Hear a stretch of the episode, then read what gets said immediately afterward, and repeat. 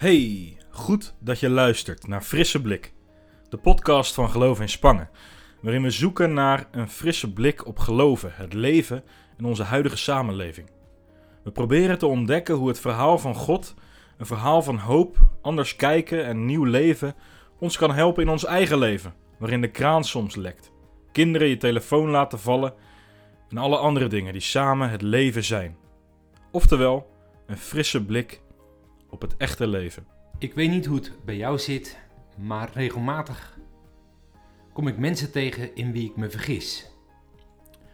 Of beter gezegd, ik vergis me in mezelf.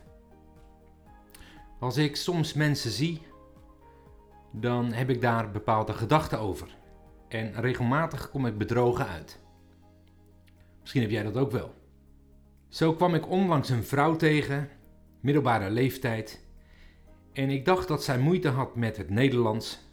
Ik zag aan haar uiterlijk dat ze niet in Nederland was opgegroeid. Aan het eind van het verhaal dacht ik van wauw, wat heeft deze vrouw veel in haar mars. Ze was bekend bij heel veel mensen en ze werkte voor een grote organisatie in de hulpverlening. Ik had me vergist. Ik had me laten bedriegen door mijn eigen gedachten. Ik had haar dus gewoon verkeerd ingeschat. De vraag voor vandaag is: heb jij dat ook wel eens? Dat je je vergist? Dat je mensen lager of hoger inschat dan je zelf had gedacht?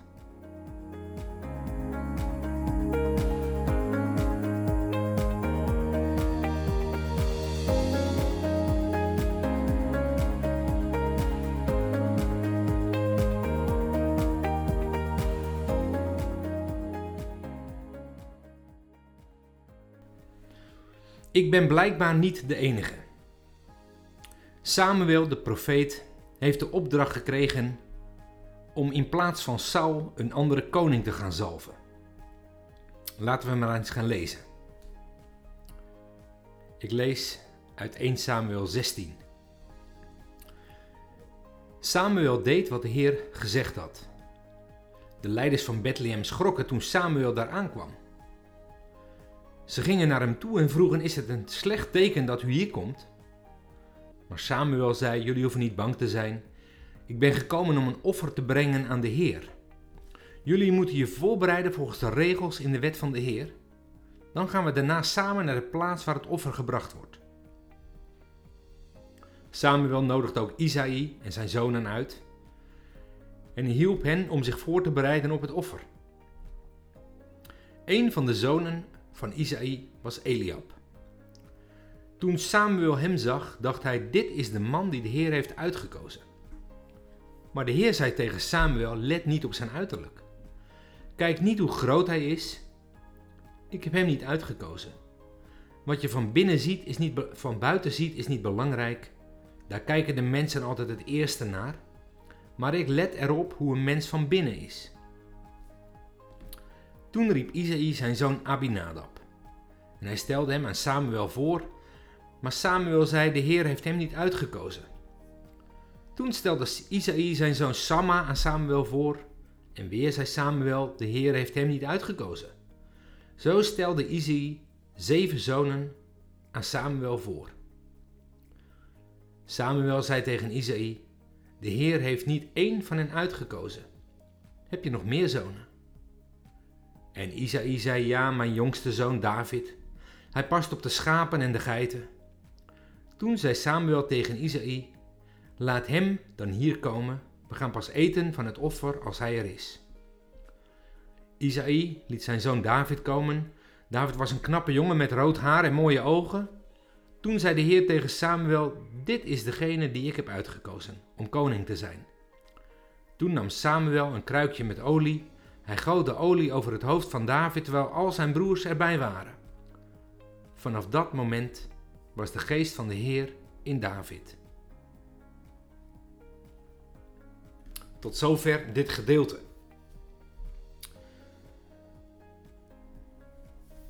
Samuel heeft een moeilijke opdracht. Hij moet een vervanger gaan zoeken voor koning Saul. En hij geeft zijn ogen goed de kost. Het moet een van de zonen van Isaï zijn. En natuurlijk, hij ziet van alles. Hij ziet een grote, lange jonge man die er krachtdadig uitziet. En als koning zou hij wel geschikt zijn, denkt Samuel. Maar God denkt er anders over. En zo gaan alle zoons voorbij Samuel. En niemand is het. Met de jongste zoon die eigenlijk niet meedoet, die ook niet is uitgenodigd voor het feest. Ja, die is het wel.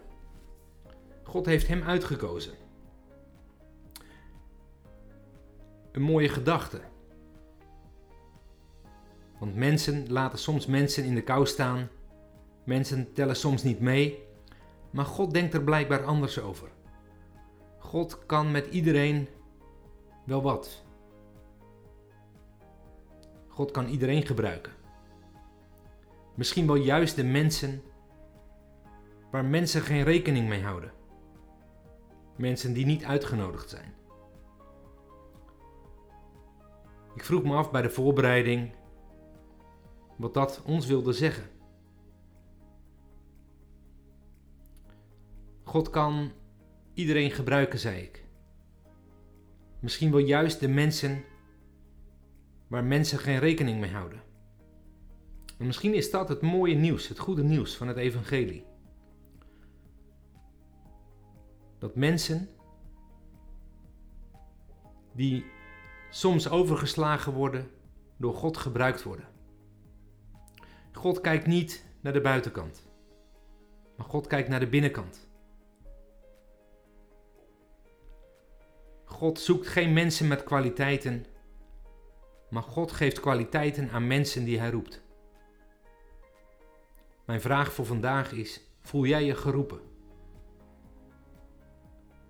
om God te dienen?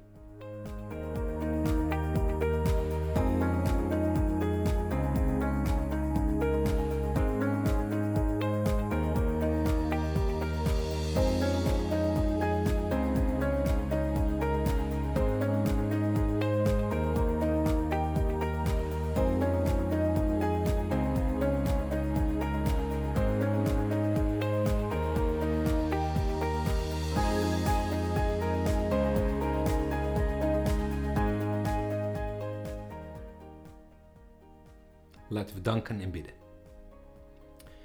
Heer God, we danken u dat u naar de binnenkant kijkt, naar het hart van mensen.